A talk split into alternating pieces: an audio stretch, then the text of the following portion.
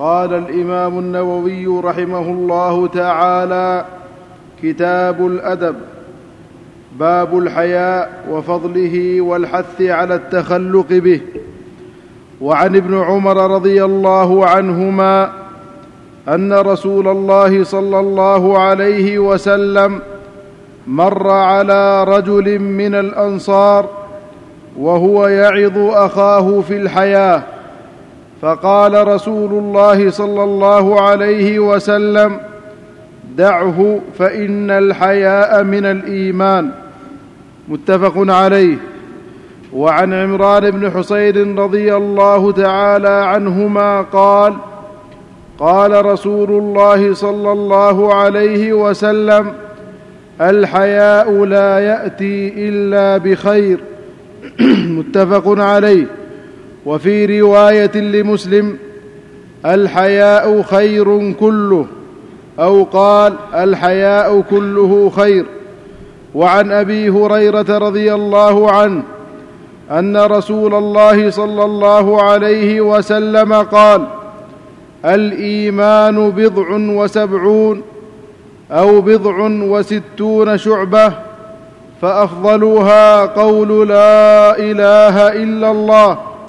وأدناها اماطه الأذى عن الطريق والحياء شعبة من الإيمان. متفق عليه. وعن نعم. أعيد. وعن أبي هريرة رضي الله عنه أن رسول الله صلى الله عليه وسلم قال الإيمان بضع وسبعون.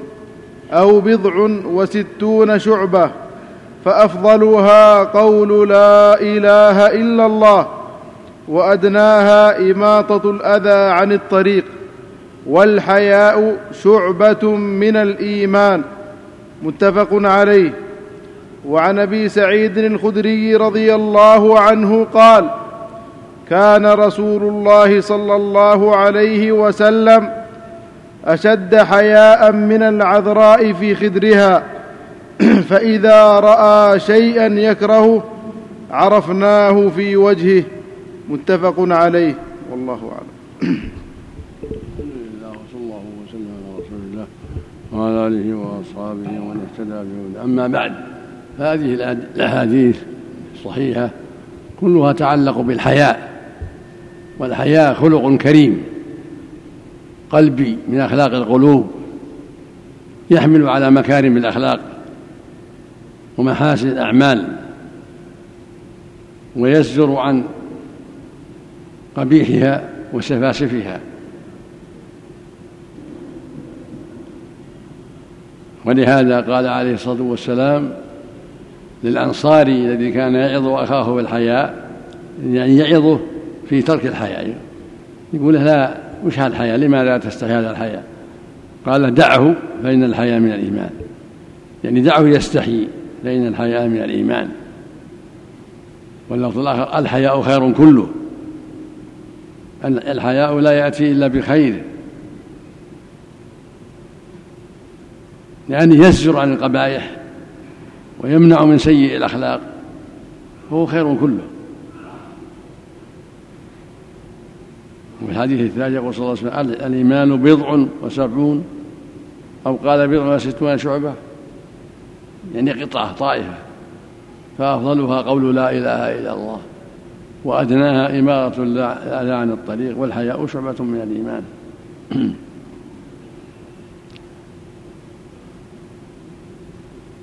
شعبة طائفة.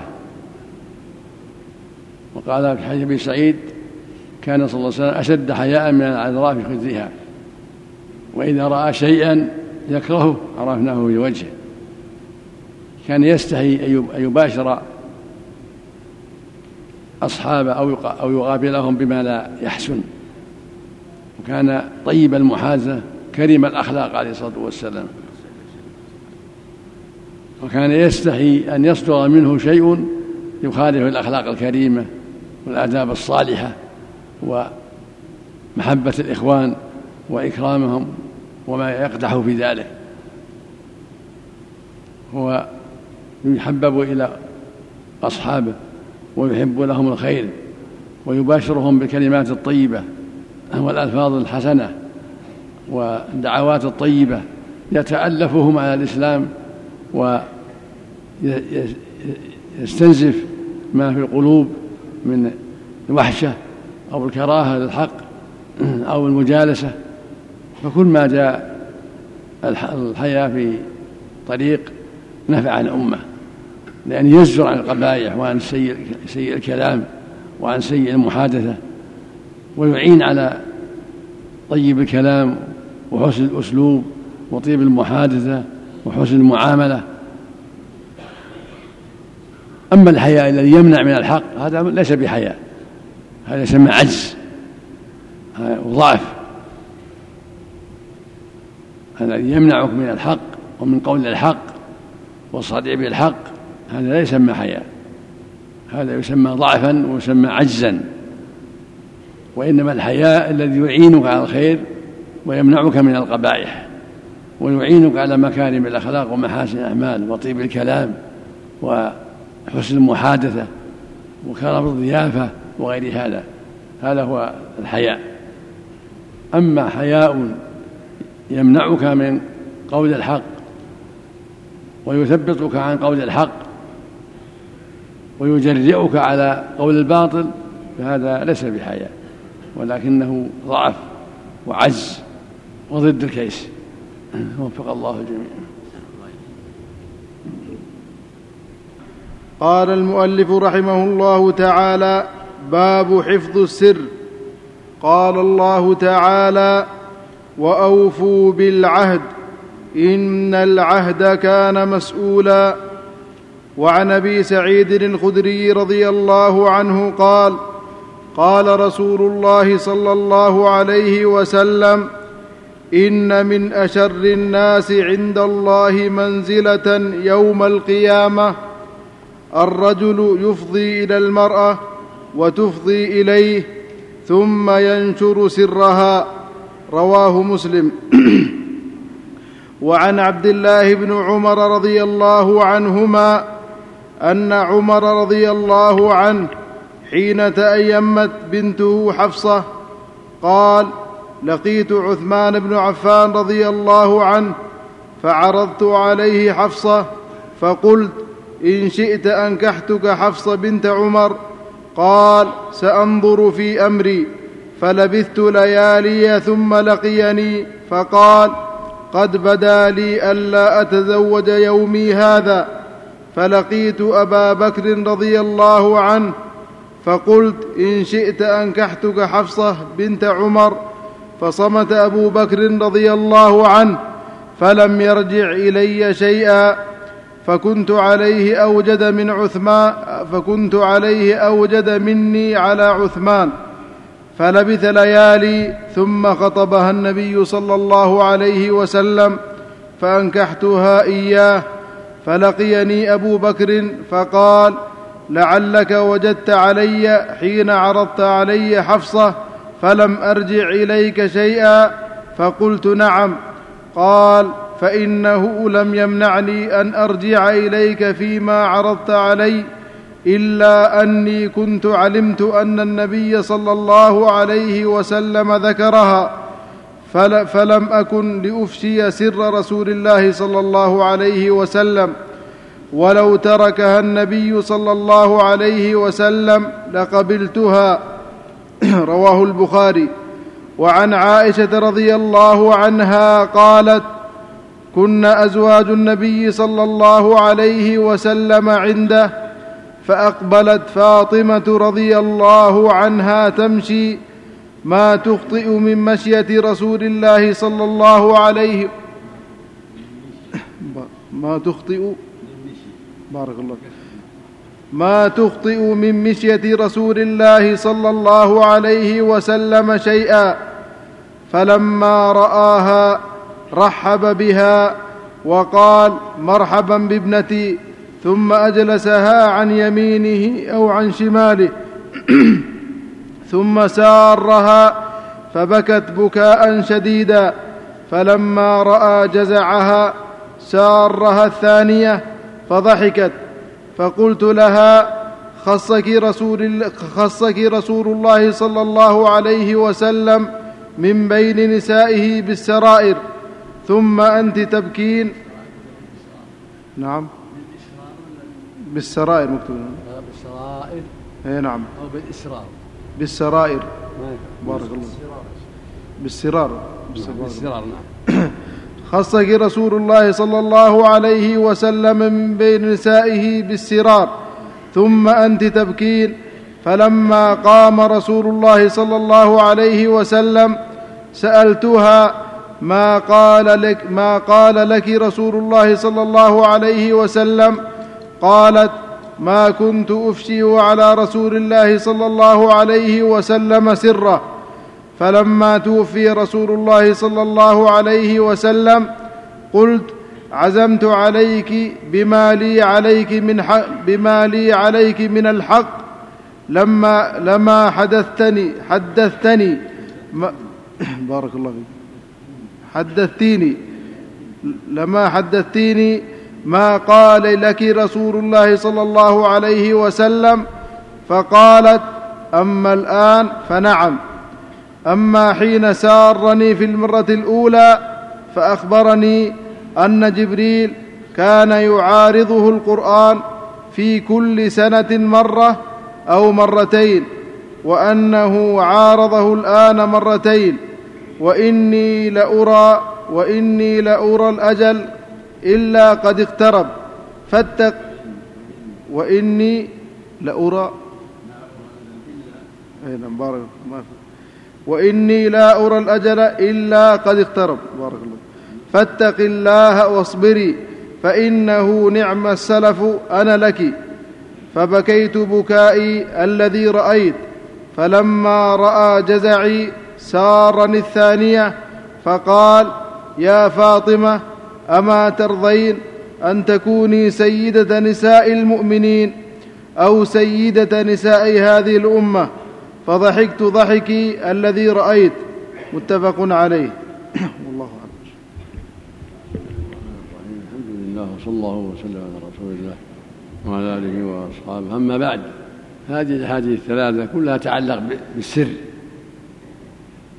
والواجب على المؤمن إفشاء عدم إفشاء سر أخيه إذا أسر إليه شيء لأنه من الأمانات. والأمانة يجب الوفاء بها. وعدم الخيانة ومن العهود التي يجب الوفاء بها. حين عهد إليه أمرا سريا.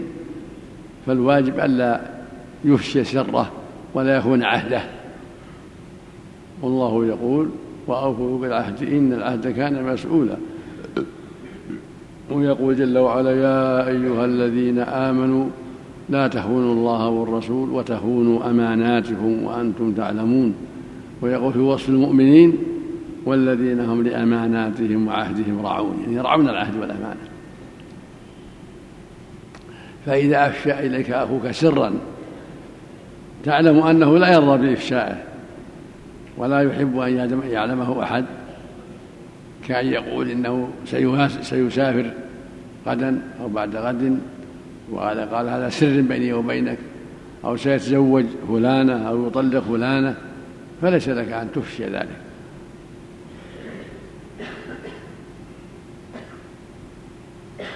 ومن الحديث في هذا الباب حديث إن عبد أبي سعيد إن من شر الناس عند الله منزلا يوم القيامة الرجل يفضي إلى امرأته وتفضي ثم ينشر سرها أو تنشر سره. هذا يدل على الخيانة وصاحب هذا العمل من شر الناس عند الله منزلة. الزوج يفشي سر زوجته والزوجة تفشي سر زوجها. كالأحاديث التي تكون عند الجماع. أو أو شبه ذلك من الأشياء السرية. فليس له أن يقول قالت كذا وقال كذا وقالت كذا وليس له أن تقول هي قال كذا وقال كذا مما يكون سرا بين الزوجين.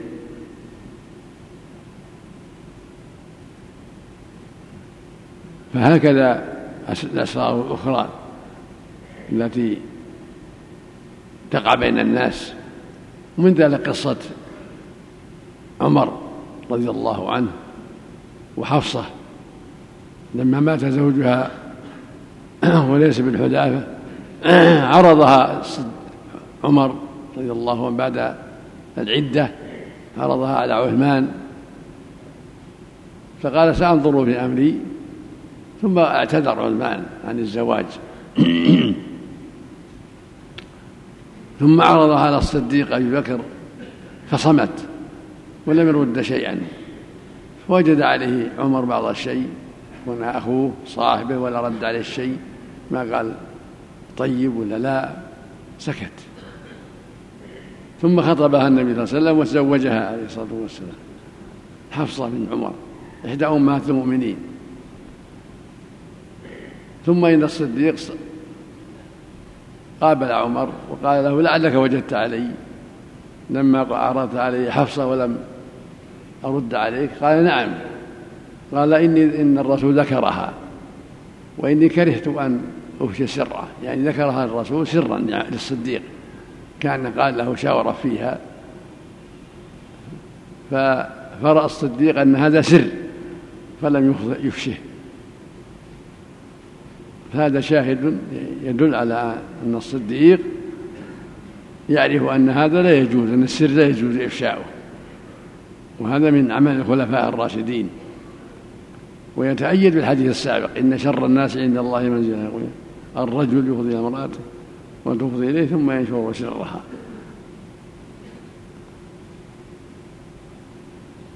وسبق أن هذا يدخل في الأمانات والأمانات لا يجوز لا تجوز الخيانة فيها وتجب رعايتها. والحديث الثالث قصة فاطمة. بنت بنت النبي صلى الله عليه وسلم ورضي الله عنها مع أبيها. دخلت عليه ذات يوم وعاش عنده. قالت عائشة وكانت مشيتها تشبه مشية النبي صلى الله عليه وسلم. ولا يستغرب كون بنت الرجل أو ولده يشبهه في بعض الأشياء لا يستغرب. هذا كثير. كون مشيتها تشبه مشيته. ليس للمرأة أن تشبه بالرجل لكن إذا كان شيء طبعي ما يضرها. إذا كان شيء طبعي هنا مشيت مشيت أبيها أو صوتها صوت أبيها أو خلقها خلق أبيها هذا شيء ما, ما هو في يدها من أمر الله. لكن ليس للمرأة أن تشبه بالرجل وليس للرجل أن يتشبه بالمرأة اختياره في مشية أو كلام أو لباس أو غير ذلك. لكن إذا كان ذلك خلقة لا يضر. فجلست حيا حياها النبي صلى الله عليه وسلم وأكرمها وجلسها عن يمينها وشمالها. هذا فيه دلالة على أن ينبغي للأب أن يكون طيب الكلام مع البنات. حسن المعاشرة حسن المقابلة ولهذا كان صلى الله عليه وسلم حسن الخلق مع أهله طيب المعاشرة مع أهله عليه الصلاة والسلام ومع الناس. كان أحسن الناس خلقا. وقال الله في حقه إنك لعلى خلق عظيم. فهو أحسن الناس خلقا وأكمل الناس خلقا وهو أكمل المؤمنين وأكملهم خلقا. يقول النبي صلى الله عليه وسلم أكمل من إيمانا أحسنهم خلقا. والنبي أكملهم إيمانا وأكملهم خلقا عليه الصلاة والسلام. فكان يحتفي بابنته إذا زارته ويكرمها وربما قام إليها وقابلها وأخذ بيدها وقبلها وهكذا كانت إذا دخل عليها قامت إليه. وأخذ بيده وقبلته عليه الصلاة والسلام. فكان يعتني بابنته وكانت تعتني به أيضا وليس له إلا هذه البنت الواحدة. كل بناته ماتوا في حياته ما بقي إلا فاطمة في آخر حياته. زينب ماتت ورقية ماتت وأم كلثوم ماتت أربعة. مات ثلاث وقت واحدة وهي فاطمة. أمها خديجة. فسارها في زيارة الله زيارته الأخيرة في حياته في آخر حياته. سارها وقال لها إن جبريل كان يعارض القرآن كل مسألة مرة وهذه السنة الأخيرة مرتين يدارسه القرآن مرتين. وما أرى هذا إلا لقرب أجلي. قال لها إن هذا يدل على قرب أجلي فبكت بكاء شديدا. ما لا يخفى. ما يقع للأولاد عند وجود ما يدل على موت أبيهم أو أو حادثة لأبيهم أو نحو ذلك. ما يستغرب أن ترتع من هذا الأمر وتبكي. نعم. فطمأنها وقال لها أما ترضين أن تكون سيدة هذه الأمة أو سيدة المؤمنين؟ في رواية سيدة نساء أهل الجنة. فضحكت. وسرها ذلك. فلما قام النبي صلى الله عليه وسلم سألت عائشة عن هذا الأمر. فقالت ما كنت لأفشي سر سر رسول الله. ما ما أخبرتها لأن الإخبار بأن أجلها قد قرب يحزن الناس ويشق عليهم. فلهذا رأت رضي الله عنها ألا تخبر بهذا لأنه شيء يحزن يحزن عائشة وغير عائشة. إذا سمعوا قول صلى الله عليه وسلم ما أورى هذا إلا لقرب أجلي لابد هذا يأثر على الناس. كل يحب حياته وأن يفدي بنفسه. صلى الله عليه وسلم. فلما توفي النبي صلى الله عليه وسلم سألت عائشة قالت أما الآن فلا بأس بعد وفاته لا بأس. لأن حين لا محذور في الإخبار بالشيء الذي قال فيه انه لقرب أجل لأنه قد تم الأجل وتوفي فلهذا أخبرتها بعد وفاته صلى الله عليه وسلم. هذا كله يدل على أن السر لا يجوز للمؤتمن أن يفشيه. لا عن زوج ولا عن أب ولا عن غيرهما. ليس لمن أسر, أسر إليه شيء أن يفشيه سواء كان الذي أسره أبوه أو الزوج أو غيرهما. الواجب حفظ السر. إذا عرفت أن صاحبه لا يرضى بإفشائه أو في إفشائه مضرة فالواجب عليك حفظه وألا تفشه دفعا للمضرة وحفظا للأمانة. وفق الله الجميع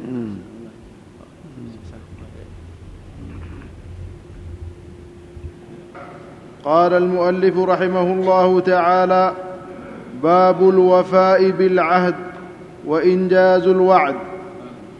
باب الوفاء بالعهد وإنجاز الوعد. قال الله تعالى وأوفوا بالعهد إن العهد كان مسؤولا. وقال تعالى وأوفوا بعهد الله إذا عاهدتم. وقال تعالى يا أيها الذين آمنوا أوفوا بالعقود. وقال تعالى يا أيها الذين آمنوا لم تقولون ما لا تفعلون؟ كبر مقتا عند الله أن تقولوا ما لا تفعلون.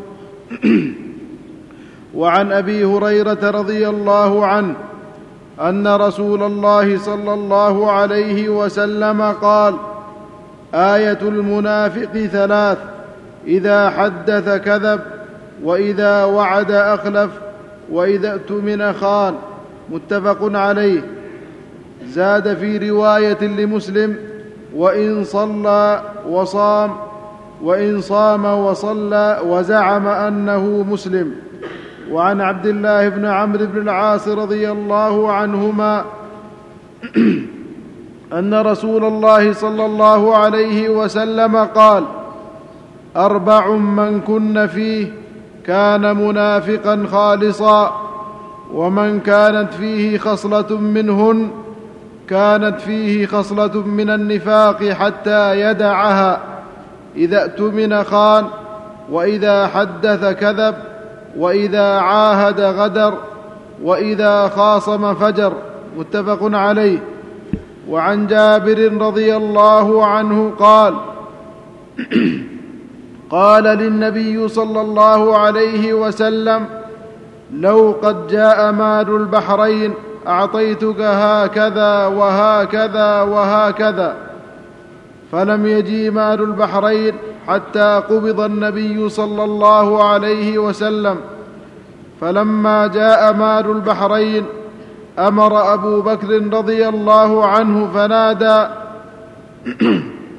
من كان له عند رسول الله صلى الله عليه وسلم عدة أو دين فليأتنا. فأتيته وقلت له إن النبي صلى الله عليه وسلم قال لي كذا وكذا فحثى لي حثية فعددتها فإذا هي خمسمائة فقال لي خذ مثليها متفق عليه. والله أعلم. وصلى الله وسلم. الله وعلى آله وأصحابه ومن اهتدى بهداه. أما بعد فهذه الآيات الكريمات والأحاديث الثلاثة كلها تعلق بالوفاء بالعهد والوعد وعدم الغدر وعدم الخلاف الوعد. وتدل على أن إخلاف العهد وأن خلاف الوعد وأن الغدر بالعهد والخيانة من صفات أهل النفاق. وإن صلى الإنسان وصام فإنها تكون خلة من خلال المنافقين ولو صلى وصام. يكون فيه نقص ويكون إيمانه ضعف وتشبه بأهل النفاق. قال الله تعالى وأوفوا بالعهد إن العهد كان مسؤولا.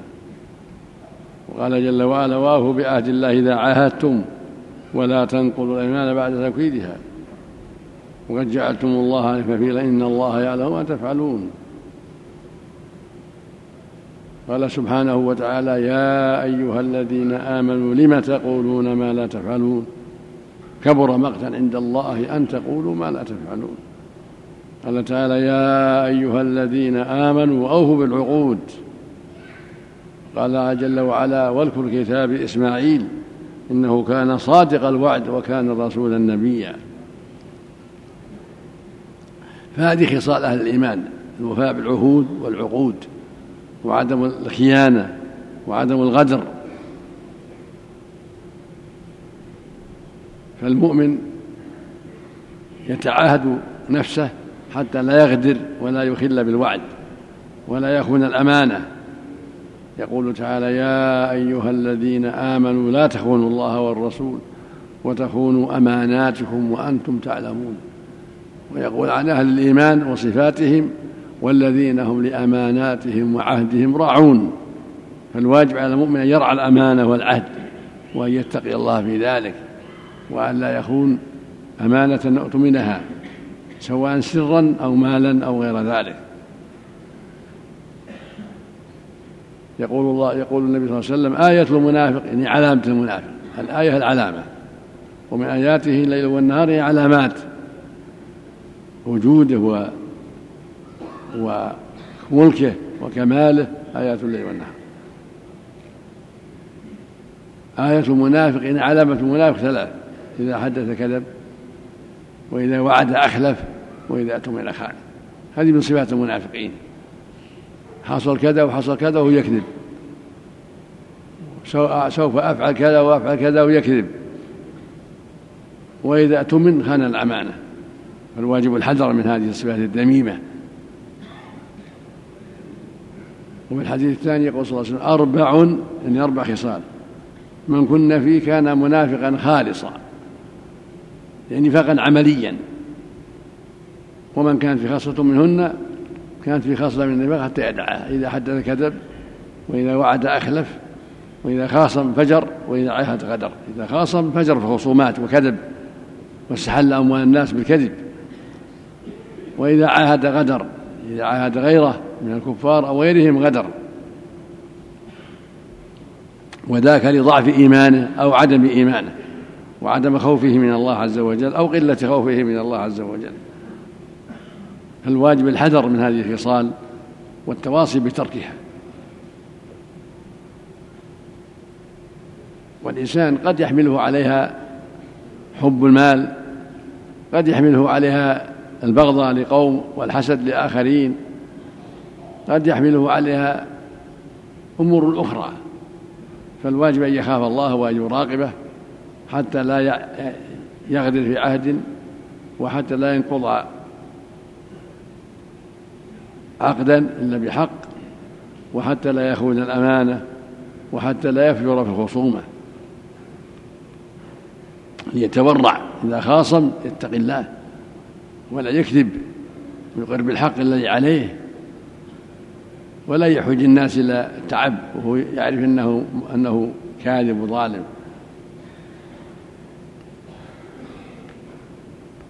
الحديث الثالث عن جابر رضي الله عنه أن الرسول صلى الله عليه وسلم وعده قال يا جابر لو جاء ماء البحرين أعطيتك هكذا وهكذا وهكذا بيديه.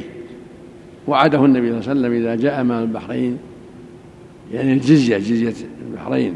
كان في البحرين ذاك الوقت مجوس. كان النبي صلى الله عليه وسلم ضرب عليهم الجزية. والجزية مال يضرب على الكفار كل سنة يقال له جزية. كما قال في حق اليهود والنصارى حتى يعطوا الجزية عن يد وهم صاغرون. الجزية كالأجرة مال يضرب عليهم حتى يسلموا. أو يؤد أو يؤد هذا المال للمسلمين عونا للمسلمين. وهم اليهود والنصارى والمجوس. إذا ظهر عليهم المسلمون فإن المسلمين يلزمونهم بالإسلام أو بالجزية. إما أن يسلموا وإما أن يؤدوا الجزية وهي مال يضرب عليهم كل سنة. كالرأس عليه مئة ريال مئتين ريال كالرأس من الذكور البالغين. هذا المال يضرب عليهم. يؤدونه للمسلمين كل جنة كل سنة ليتقوى به المسلمون على حربهم وعلى حرب غيرهم. إلا إذا أسلموا سقطت عنهم إذا أسلموا فلا جزية عليهم. فقال صلى الله عليه وسلم لو جاء من البحرين يعني الجزية من البحرين من المجوس أعطيتك هكذا وهكذا وهكذا وأشرب يديه كفيه يعني. فتوفي النبي صلى الله عليه وسلم ولم يأتي من البحرين ما جاءت الجزية في عهده صلى الله عليه وسلم وجاءت في عهد الصديق. الصديق تولى الإمرة بعد النبي صلى الله عليه وسلم وصار هو خليفة المسلمين عليه رضي الله عنه فجاء مال البحرين فجاءه جابر وقال جابر يا ابن المؤمنين إني إني قلت للنبي صلى الله عليه وسلم كذا وإنه قال لي كذا. الرسول وعدني وكان الصديق لما توفي النبي صلى الله عليه وسلم أمر من ينادي في الناس. من كان له عند رسول الله دين أو عدة فليأتنا. الصديق أمر من ينادي في الناس. يقول لهم بعد وفاة النبي صلى الله عليه وسلم من كان له عند رسول الله دين أو عدة فليأتنا وهذا من عناية الصديق رضي الله عنه وحرصه على براءة ذمة النبي صلى الله عليه وسلم. فجاء جابر من عرض الناس وقال يا أبا بكر أن الرسول وعدني. إذا جاء مال البحرين أن يعطيني كذا وكذا. وقد جاء مال البحرين فقال فحثى له الصديق بيديه من المال. دراهم وقال عدها فعدها فإذا خمسمائة. فقال خذ مثلها مرتين لأن الرسول قال له هكذا وهكذا وثلاث مرات. خذ مثلها مرتين حتى يصور حتى يحصل لك ثلاث مرات يعني ما وعدك به النبي صلى الله عليه وسلم. فأوفى له الصديق. فهذا يدل على أنه ينبغي للمؤمن أن يوفي بالعيدة كما يوفي بالدين. إذا وعد إنسان قال يا فلان تجينا إن شاء الله نعطيك كذا وكذا. يوفي له بالعهد بالوعد مثل الدين. العيدة دين. ولا يتشبه بأهل النفاق. يواعد ويخلف. إذا واعد يصدق. هذه صفة أهل الإيمان. قال تعالى واذكر كتاب إسماعيل النبي الله. إنه كان صادق الوعد وكان رسولا نبيا. وكان يأمر أهله بالصلاة والزكاة وكان عند ربه مرضيا والرسول يقول آية المنافق ثلاث. يعني علامة المنافق ثلاث خصال. إذا حدث كذب وإذا وعد أخلف وإذا وإذا اؤتمن خان نسأل الله له. وفق الله الجميع للخصال الطيبة. وفق الله الجميع للتخلق بأخلاق المؤمنين. وأعاد الجميع من أخلاق المنافقين والكافرين. وصلى الله وسلم على نبينا محمد وعلى آله وأصحابه. قال المؤلف رحمه الله تعالى باب المحافظة على ما اعتاده من الخير واستحباب طيب الكلام وطلاقة الوجه عند اللقاء. قال الله تعالى إن الله لا يغير ما بقوم حتى يغيروا ما بأنفسهم. وقال تعالى ولا تكونوا كالتي نقضت غزلها من بعد قوه انكاثا. وقال تعالى واخفض جناحك للمؤمنين. وقال تعالى ولو كنت فظا غليظ القلب لانفضوا من حولك. وعن عبد الله بن عمرو بن العاص رضي الله عنهما قال قال لي رسول الله صلى الله عليه وسلم يا عبد الله لا تكن مثل فلان كان يقوم الليل فترك قيام الليل. متفق عليه. وعن عدي بن حاتم رضي الله عنه قال قال رسول الله صلى الله عليه وسلم اتقوا النار ولو بشق تمرة فمن لم يجد فبكلمة طيبة متفق عليه. وعن أبي هريرة رضي الله عنه أن النبي صلى الله عليه وسلم قال والكلمة الطيبة صدقة متفق عليه. وهو بعض حديث تقدم تقدم بطوله. وعن أبي ذر رضي الله عنه قال قال لي رسول الله صلى الله عليه وسلم لا تحقرن من المعروف شيئا ولو أن تلقى أخاك بوجه طلق. رواه مسلم. والله أعلم. بسم الله الرحمن الرحيم. الحمد لله وصلى الله وسلم على رسول الله وعلى آله وأصحابه. أما بعد فهذه الآيات الكريمات والأحاديث الصحيحة عن رسول الله صلى الله عليه وسلم كلها تعلق بالحث على الاستقامة على الخير الذي اعتاده مما شرعه الله وعدم التفريط فيه. كما تضمن أيضا الحث على حسن الخلق وطيب الكلام وطلاقة الوجه من المؤمن مع أخيه إلا إذا وجد أسباب تمنع ذلك. إذا وجد أسباب توجب الهجر والشدة فلا بأس. وإلا فالأصل أن المؤمن مأمور بحسن الخلق وطلاقة الوجه وطيب الكلام والحذر من من ضد ذلك. يقول الله جل وعلا في كتابه الكريم ولا تكونوا كالتي نقضت غزلها من بعد قوة أنكاثا ويقول جل وعلا إن الله لا يغير ما بقوم حتى يغيروا ما بأنفسهم. ويقول جل وعلا وإنك لعلى خلق عظيم. وكان حسن الخلق عليه الصلاة والسلام طيب الكلام. قال عز وجل فبما رحمة من الله لنت لهم ولو كنت فظا غليظ القلب لانفضوا من حولك. فكان طيب الكلام طريق الوجه عليه الصلاة والسلام. وقال جل وعلا ادع إلى سبيل ربك بالحكمة والموعظة الحسنة وجادلهم بالتي هي أحسن. قال تعالى ولا تجادلوا أهل الكتاب إلا بالتي هي أحسن إلا الذين ظلموا منهم. ولما بعث موسى وهارون فرعون قال لهما قولا له قولا لينا لعله يتذكر أو يخشى. فالمؤمن مأمور بطيب الكلام ولين الجانب مع إخوانه ومع أهل بيته مع جيرانه إلا من اقتضى الشرع الإغلاظ له وهجره لإظهاره المنكرات هذا شيء آخر مثل ما قال جل وعلا في أهل الكتاب إلا الذين ظلموا منهم.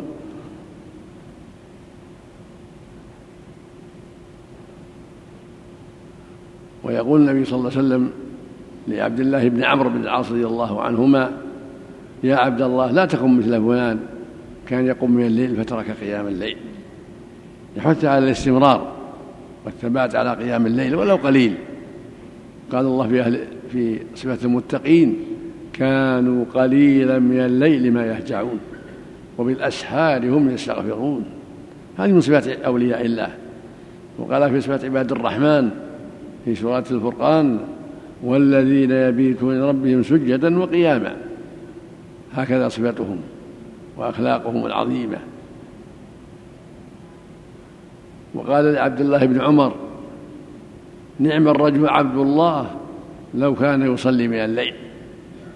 فقال عبد الله قالت حفصة فما زال عبد الله فما زال عبد الله يصلي من الليل منذ سمع النبي هذا؟ ما كان ينام إلا قليلا رضي الله عنه وأرضاه. وفي الصحيحين أنه صلى الله عليه وسلم أوصى أبا هريرة بصلاة الضحى ركعتي الضحى وصيام ثلاثة أيام من كل شهر والوتر قبل النوم وأوصى بالدرد بذلك أيضا صلاة الضحى والصيام ثلاثة أيام من كل شهر والوتر قبل النوم.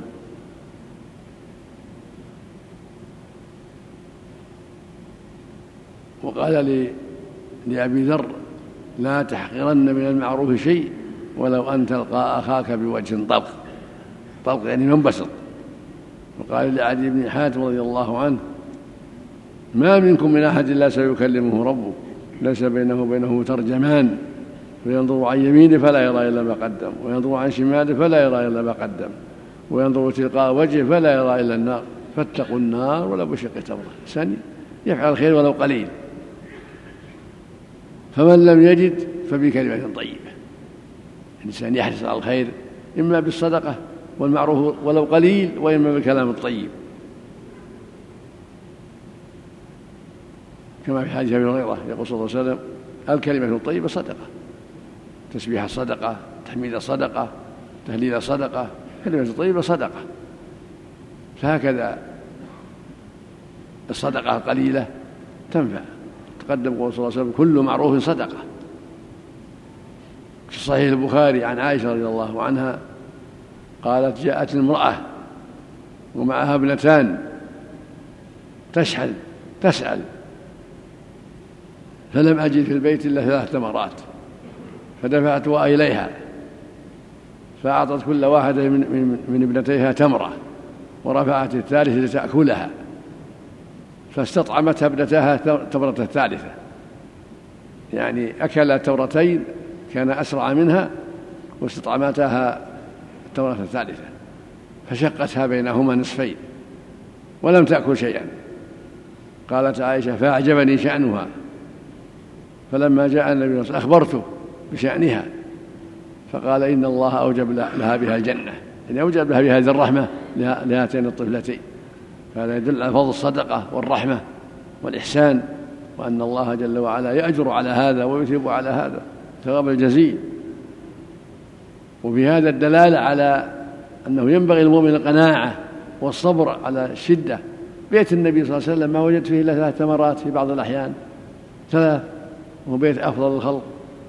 هذا يدل على أنه ينبغي التصبر والتحمل ولو أصابه الفقر لا يجزع يتحمل ويأخذ بالأسباب التي شرعها الله. فله أسوة في نبي الله صلى الله عليه وسلم. ربما ربط الحجر على بطنه من شدة الجوع عليه الصلاة والسلام. وهكذا كثير من الصحابة أصابهم شدة في المدينة ثم وسع الله عليهم والحمد لله. نسأل الله للجميع التوفيق صلاح النية والعمل ولا حول ولا قوة إلا بالله.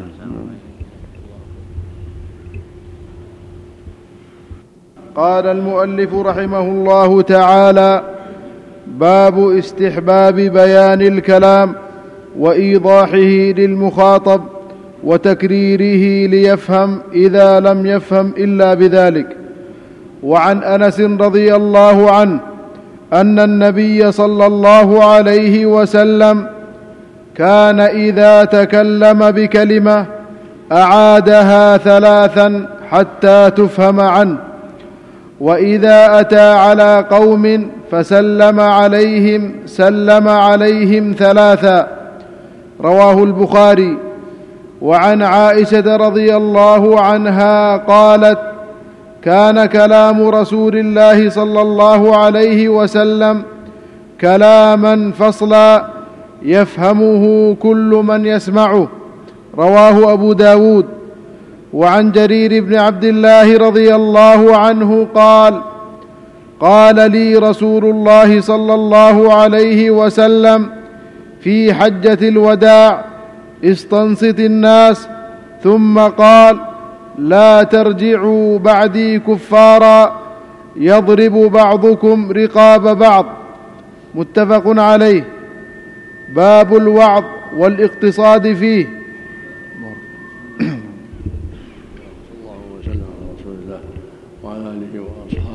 اهتدى أما بعد هذه الأحاديث في بيان العناية بالكلام وايضاحه حتى لا يبقى اشتباه على المخاطب والمستمع. ينبغي للواعظ والمحدث والناصح أن يبين الكلام ويوضحه بعبارات يفهمها المخاطب حتى لا يلتبس عليه الأمر. ولهذا قال جل وعلا هذا بلاغ للناس ولينذروا به فجعل كلامه بلاغا لما فيه من التفصيل والإيضاح. وقال كتاب أنزلناه إليك مبارك ليدبروا آياته وليتذكر أولو الألباب. وقال هذا بيان للناس. قال سبحانه وأنزلنا الذكر لتبين الناس ما نزل إليهم. فالواجب على أهل العلم وعلى الوعاظ والمذكرين والناصحين والدارسين أن يوضحوا ما يقومون به حتى يبقى المخاطب على بينة وعلى شيء واضح. ولهذا قال أنس رضي الله عنه كان النبي صلى الله عليه وسلم إذا تكلم بكلمة اعادها ثلاثا حتى تفهم عنه لأنه يبلغ عن الله أحكامه فكان يعيدها حتى يفهمها الناس وينتبهوا لها. وإذا سلم على قوم سلم عليهم ثلاثا لأن حتى يفهموا ما, ما قال. وهذا عند أهل العلم إذا لم يفهموا السلام الأول إذا كانوا كثيرين قد لا يبلغهم فيكرر حتى يعمهم السلام وينتبهوا له جميعا. وهذا كله من باب الحيطة حتى حتى لا يغلط الناس في فهم الكلام. فإذا أمرهم بأمر أعاد وإذا نهاهم عن شيء أكرر حتى يفهموا وحتى يتضح الأمر ولا تبقى هناك شيء ولا يبقى هناك شيء من الخفاء بل يكون المخاطب على بينة وعلى أمر واضح. وهكذا معنى كلام عائشة رضي الله عنها أن كان كلامه كان فصلا عليه الصلاة والسلام. يعني أنه واضح ليس بمعقد ولكنه كلام فصل مبين واضح حتى يفهمه من سمعه. والله جل وعلا أرسله مبلغا للناس ومرشدا إليهم ويبين لهم ما نزل إليهم. كما قال تعالى وما أنزل الكتاب إلا لتبين لهم للناس ما اختلفوا فيه. فهو عليه الصلاة والسلام مأمور بالبلاغ والبيان والإيضاح.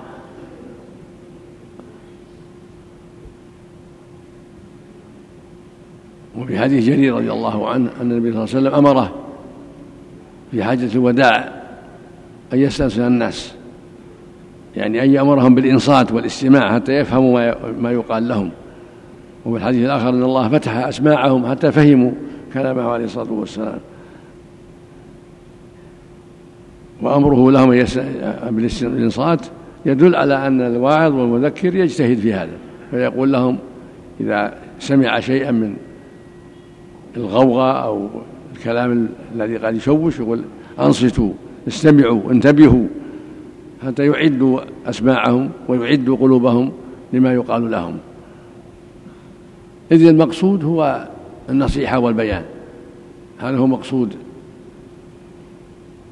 ما يتكلم به صلى الله عليه وسلم. مقصوده أن يعلمهم وأن يفهمهم ما أوجب الله عليهم وما حرم عليهم. فإذا لم يكن الإصغاء الكامل لم يحصل المقصود. فهكذا أهل العلم بعده. مقصود أهل العلم بعده البيان والإيضاح. فإذا لم يصغي المخاطب ولم يحضر قلبه لم تكن الفائدة كاملة. قد يغلط قد يفهم بعضا ويخطئ بعضا. فالواجب عند النصيحة وعند التذكير وعند الدرس أن يوصي المخاطب والمقصود الطالب يوصي والموعوظ والمنصوح يوصي حتى تكون الفائدة في محلها. وفق الله قال المؤلف رحمه الله تعالى باب الوعظ والاقتصاد فيه. قال الله تعالى باب الوعظ والاقتصاد فيه. قال الله تعالى ادع إلى سبيل ربك بالحكمة والموعظة الحسنة.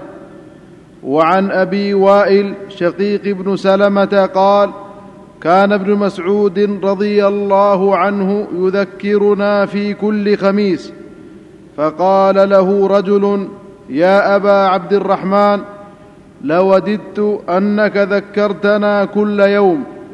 فقال أما إنه يمنعني من ذلك أني أكره أن أملكم.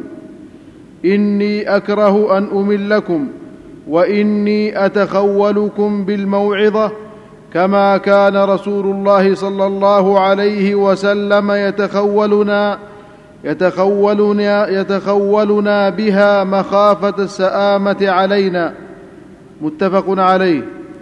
وعن أبي اليقظان عمار بن ياسر رضي الله عنهما قال سمعت رسول الله صلى الله عليه وسلم يقول إن طول صلاة الرجل وقصر خطبته مئنة من فقهه فاطيلوا الصلاة واقصروا الخطبة رواه مسلم.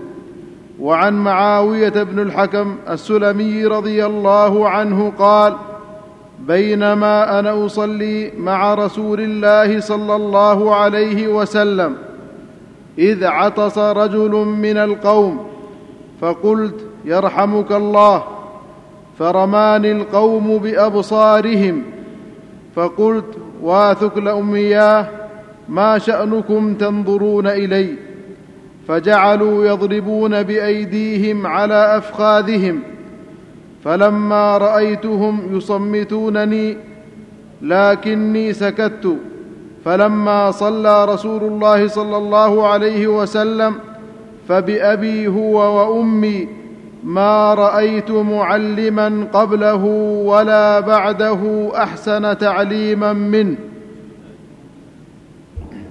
فوالله فوالله ما كره ما كرهني ولا كه بارك الله فوالله ما كهرني ولا ضربني ولا شتمني.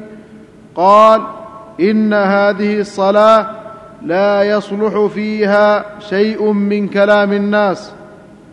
إنما هو التسبيح والتكبير وقراءة القرآن أو كما قال رسول الله صلى الله عليه وسلم قلت يا رسول الله إني حديث عهد بجاهلية وقد جاء الله بالإسلام وإن منا رجالا يأتون الكهان قال فلا تأتهم. قلت ومنا رجال يتطيرون قال ذاك شيء يجدونه في صدورهم فلا يصدنهم. رواه مسلم. وعن العرباض بن سارية رضي الله عنه قال وعظنا رسول الله صلى الله عليه وسلم موعظة وجلت منها القلوب وذرفت منها العيون وذكر الحديث وقد سبق بأكمله في باب الأمر بالمحافظة على السنة. والله أعلم. الله وسلم على رسول الله وعلى آله وأصحابه. أما بعد هذه الأحاديث الأربعة تتعلق بالاقتصاد في الموعظة وعدم التطويل الذي يشق على الناس لأنها إذا طالت مل الناس وقلت الفائدة ولكن متى اختصرت؟ صار ذلك أقرب إلى أن يحفظوها وإلى أن يستفيدوا منها أكثر. هذا هو مشروع إلا إذا دعت الحاجة إلى الطول فلا بأس. إذا دعت الحاجة إلى الطول في بعض الأحيان فلا بأس وإلا فالسنة الاقتصاد وعدم التطويل حتى لا يمل الناس. الحديث الأول أن ابن مسعود رضي الله عنه وهو عبد الله بن مسعود الهذلي أحد علماء الصحابة رضي الله عنهم وأرضاهم وأحد السابقين من المهاجرين كان يعظ أصحابه في الكوفة وكان أميرا على الكوفة وكان يعظهم في كل خميس. يعني في الأسبوع مرة. فقال له بعضهم يا أبا عبد الرحمن لو لو وعظتنا كل يوم يعني إن في حاجة. قال إنه لا يمنعني من ذلك إلا أني أخاف أن أملكم وكان الرسول يتخولنا بالموعظة كان الرسول يتخولنا بالموعظة مخافة السآمة علينا. يعني يعظنا بين وقت وآخر. يخشى أن يملنا. فأنا أفعل كما فعل عليه الصلاة والسلام. يعني أتخولكم بين وقت وآخر حتى لا تملوا. والله يقول جل وعلا ادع إلى سبيل ربك بالحكمة ومرة حسنة وجادلهم بالتي أحسن. فالحكمة هي الكلام الطيب قال الله قال رسوله مع تحري الأوقات المناسبة والكلمات المناسبة. ولهذا قول الموعظة الحسنة. يعني الترغيب والترهيب وجادلهم بالتي هي أحسن من غير تكلف حتى لا ينفروا من الدعوة. وفي حديث الثاني حديث عمار بن ياسر العبسي رضي الله عنه يقول صلى الله عليه وسلم إن طول صلاة الرجل وقصر خطبته مئنة من فقهه يعني علامة ودليل على فقهه. طول صلاته وقصر خطبته دليل على فقهه فأطيلوا الصلاة وأقصروا الخطبة. هذا يدل على أن السنة قصر الخطبة وعدم التطويل حتى لا يمل الناس. خطبة الجمعة خطبة العيد والمواعظ تكون مختصرة. ليس فيها طول يمل الناس. إلا إذا دعت الحاجة إلى ذلك. كان تكون حوادث تحتاج إلى طول فلا بأس أن يطيل عند الحاجة.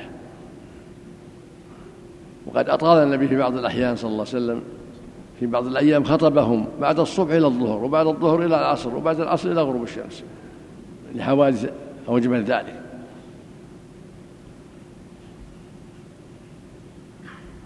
والحديث الثالث حديث العرباض بن ياس بن سارية فيها الرسول وعظهم موعظة بليغة وجلت من القلوب وذرفت من العيون. هذا فيه الحث على العناية بالموعظة. يكون قال الله قال رسوله ذكر الجنة ذكر النار حتى تتحرك القلوب حتى تتجه إلى الله جل وعلا. لأنه إذا ذكر الجنة والنار والترغيب والترهيب صار من أسباب خشوع القلوب وذرف العيون. ينبغي للواعظ أن يتحرى ذلك حتى تؤثر موعظته. والحديث الرابع حديث معاوية بن الحكم السلمي رضي الله عنه. أنه عطس رجلا حوله وهو يصلي. فقال له يرحمك الله. فاستنكر عليه الناس ذلك وأن يتكلم في الصلاة. وأشاروا إليه بالصمت. فلما سلم من صلاته أتى النبي صلى الله عليه وسلم وأخبره. وأخبره بالواقع.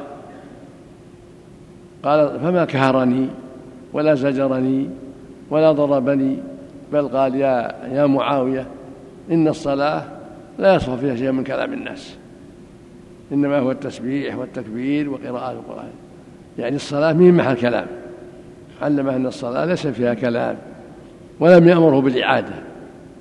فدل على أن الكلام من الجاهل أو الناس في الصلاة لا يبطلها. إذا كان جاهل أو ناسي يتكلم صلاته غير صحيحة صلاته صحيحة.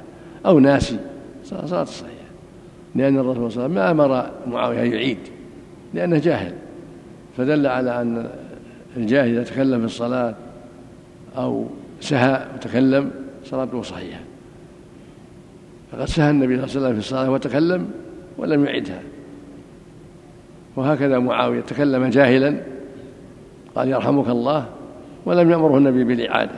فدل على أن الجاهل إذا تكلم يعفى عنه ولا تبطل صلاته. وفيها أنه سأله قال إن منا من الناس يأتون الكهان. قال النبي صلى الله عليه وسلم لا تأتوا الكهان لا تأتوهم. لأن الكهان يدعون علم الغيب ويسمعون من الشياطين. فلهذا نهى النبي عن إتيانهم. وهم العرافون. يقول صلى الله عليه وسلم من أتى كاهنا أو عرافا فصدقهم يقول فقد كفر بما أنزل على محمد صلى الله عليه وسلم. واللفظ الآخر من أتى عراف فسأله عن شيء لم تقبل له صلاة أربعين ليلة. هذا في الحديث فيه التحذير من إتيان الكهان والمنجمين والعرافين. لا يجوز إتيانهم ولا سؤالهم ولا تصديقهم. لأنهم كذبة يدعون علم الغيب ويكذبون على الناس ويأخذون أموالهم بالباطل ويضرونهم. قال وإن أناس يتطيرون يعني يتشاءمون بالطيور وغيرها. فقال لها النبي صلى الله عليه وسلم ذاك شيء نجدونه في صدورهم. فلا يصدنهم يعني الطيرة لا حقيقة لها. ولهذا قال في الحديث الصحيح الطيرة شرك الطيرة شرك. وقال عليه الصلاة والسلام وجد ذلك فليقول اللهم لا يأتي الحسنات إلا أنت ولا يدفع السيئات إلا أنت ولا حول ولا قوة إلا بك وفي لفظ اللهم لا خير إلا خيرك ولا طير إلا طيرك ولا إله غيرك. فلا يجوز له أن تمضيه الطيرة أو ترده. بل إذا أحس بشيء من ذلك فليقول اللهم لا يأتي بحسنات إلا أنت ولا يدفع السيئات إلا أنت ولا حول ولا قوة إلا أنت. ويمضي حاجته ولا يرجع مثل خرج يسافر وصادف ناس يتنازعون أو يطاقون أو يتضاربون لا لا يتطير يمشي في حاجته لا يتطهر أو قابله إنسان مكروه عدو له أو قابل حيوان وهو طيب مقطع الأطراف أو أسود. كان الجاهلية يتشاءمون بهذا إذا خرج ووافاه إنسان وهو طيب رجع عن حاجته. أو سمع الغراب ينعق رجع. هذا من من من جهلهم فالنبي نهى عن هذا صلى الله عليه وسلم. الإنسان إذا خرج إلى حاجته لا يرجع. ولو رأى ما يكره. لو خرج بيسافر أو بيروح يزور واحد وصادفه إنسان ما يكره ما يبيه أو رأى حيوان ما في خير. أو رأى شيء آخر أو سمع صوت يكرهه لا يرجع يمشي في حاجته. ويقول اللهم لا يأتي بحسناته إلا أنت ولا يدفع السيئات إلا أنت ولا حول ولا قوة إلا بك. اللهم لا خير إلا خيرك ولا طير إلا طيرك ولا إله غيرك ولا يستشعر. الواجب عدم التشاؤم. أما إذا رجع هذا تشاؤم. هذه الطيارة الشركية التي ما تجوز. من يرجع يرى شيء ما يعجبه رجع لا يمشي في حاجته. وفق الله الجميع. الله عليكم يا شيخ. تطير شرك أكبر؟ نعم. شرك أصغر شرك أصغر. من باب الشرك الأصغر نعم. قال المؤلف رحمه الله تعالى باب الوقار والسكينة وباب الندب باب الوقار والسكينة. وباب الندب إلى إتيان الصلاة والعلم ونحوهما من العبادات بالسكينة والوقار.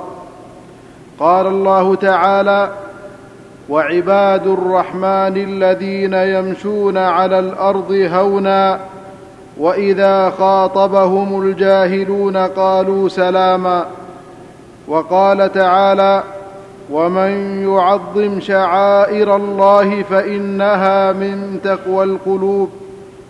وعن عائشة رضي الله عنها قالت ما رأيت رسول الله صلى الله عليه وسلم مستجمعا قط مستجمعا قط ضاحكا حتى ترى منه لهواته. إنما كان إنما كان يتبسم. متفق عليه. وعن أبي هريرة رضي الله عنه قال سمعت رسول الله صلى الله عليه وسلم يقول إذا أقيمت الصلاة فلا تأتوها وأنتم تسعون وأتوها وأنتم تمشون وعليكم السكينة فما أدركتم فصلوا وما فاتكم فأتموا. متفق عليه. زاد مسلم في رواية له فإن أحدكم إذا كان يعمد إلى الصلاة فهو في صلاة. وعن ابن عباس رضي الله عنهما أنه دفع مع النبي صلى الله عليه وسلم يوم عرفة فسمع النبي صلى الله عليه وسلم وراءه زجرا شديدا وضربا وصوتا وصوتا للإبل فأشار بصوته إليهم وقال أيها الناس عليكم بالسكينة فإن البر ليس بالإيضاع رواه البخاري وروى مسلم بعضه والله أعلم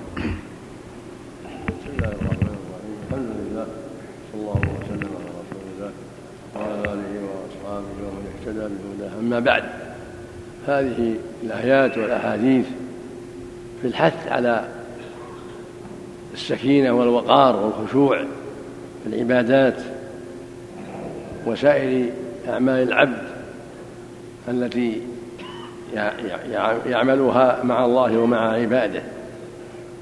وأن يكون بعيدا عن العجلة والطيش بل يتحرى الرفق في أموره كلها. والرأفة والرحمة وفي العبادة الخشوع بين يدي الله والتواضع وعدم التكلف.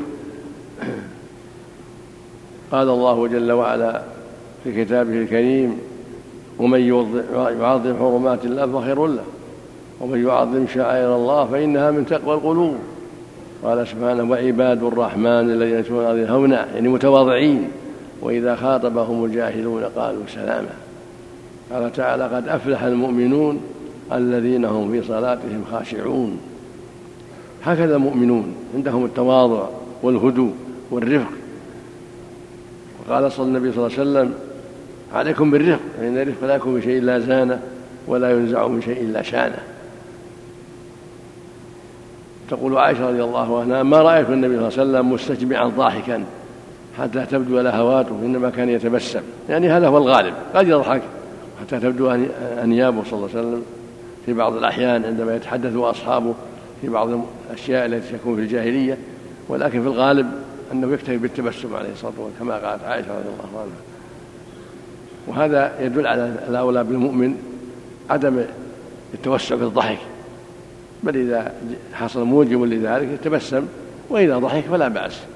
الضحك المعتاد إذا دعت الأسباب إلى ذلك. فقد ضحك النبي في مواضع كثيرة.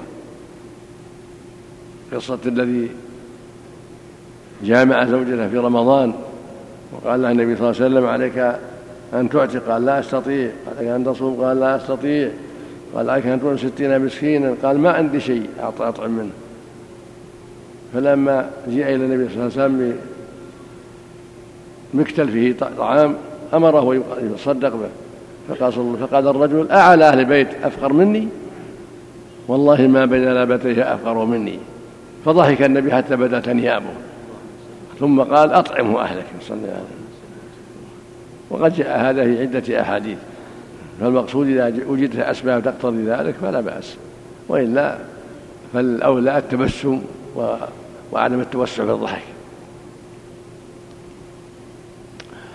ولهذا قال عليه الصلاة والسلام في هذا الحديث إذا أتيتم الصلاة فأتوها وأنتم تمشون وعليكم السكينة فما أدركتم فصلوا وما فاتكم فأتموا.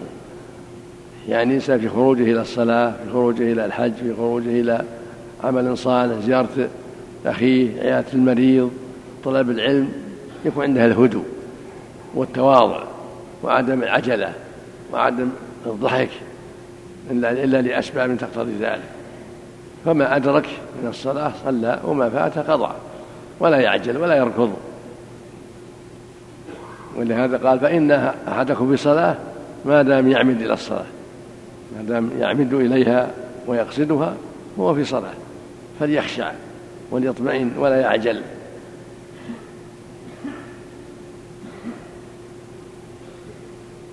وهذا من أسباب أدائه العبادة على وجهها. اطمأن خشع واستحضر عظمة الله كان هذا من أسباب أن يؤدي العبادة على خير وجه. الحديث الأخير.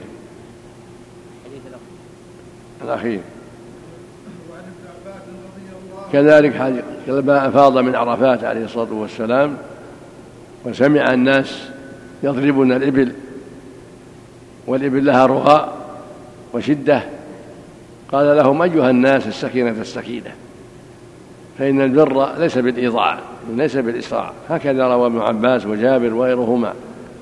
لما أفاض من عرفة في حاجة الوداع سمع عند الناس جلبة حرص عجلة وضرب للإبل فجعل يشير إليهم بصوته ويقول أيها الناس السكينة السكينة. فإن البر ليس بالإيضاع ليس بالإسراع. هذا هو السنة. إذا أفاض من عرفات من مزدلفة من منى في أي مكان. الواجب السكينة والهدوء. حتى لا يضر بعضهم بعضا سواء في السيارات أو في الإبل أو أو في الأقدام. الواجب الهدوء والطمأنينة وعدم العجلة حتى لا يضر بعضهم بعضا بالزحمة. وفق الله جميعا الذي ضحك في الصلاة الذي ضحك في الصلاة إذا ضحك بطل الصلاة اللي يضحك في الصلاة تبطل صلاته بإجماع المسلمين. يعيدها إذا فريضة يلزمه إعادتها أما التبسم لا يضر. لا يضر. لكن ما ما له يضحك تبسم ولكن ما صوت ما له الصوت. ما تبطل. أما إذا ضحك صار له صوت تبطل بإجماع المسلمين. هذه عيد الفريضة.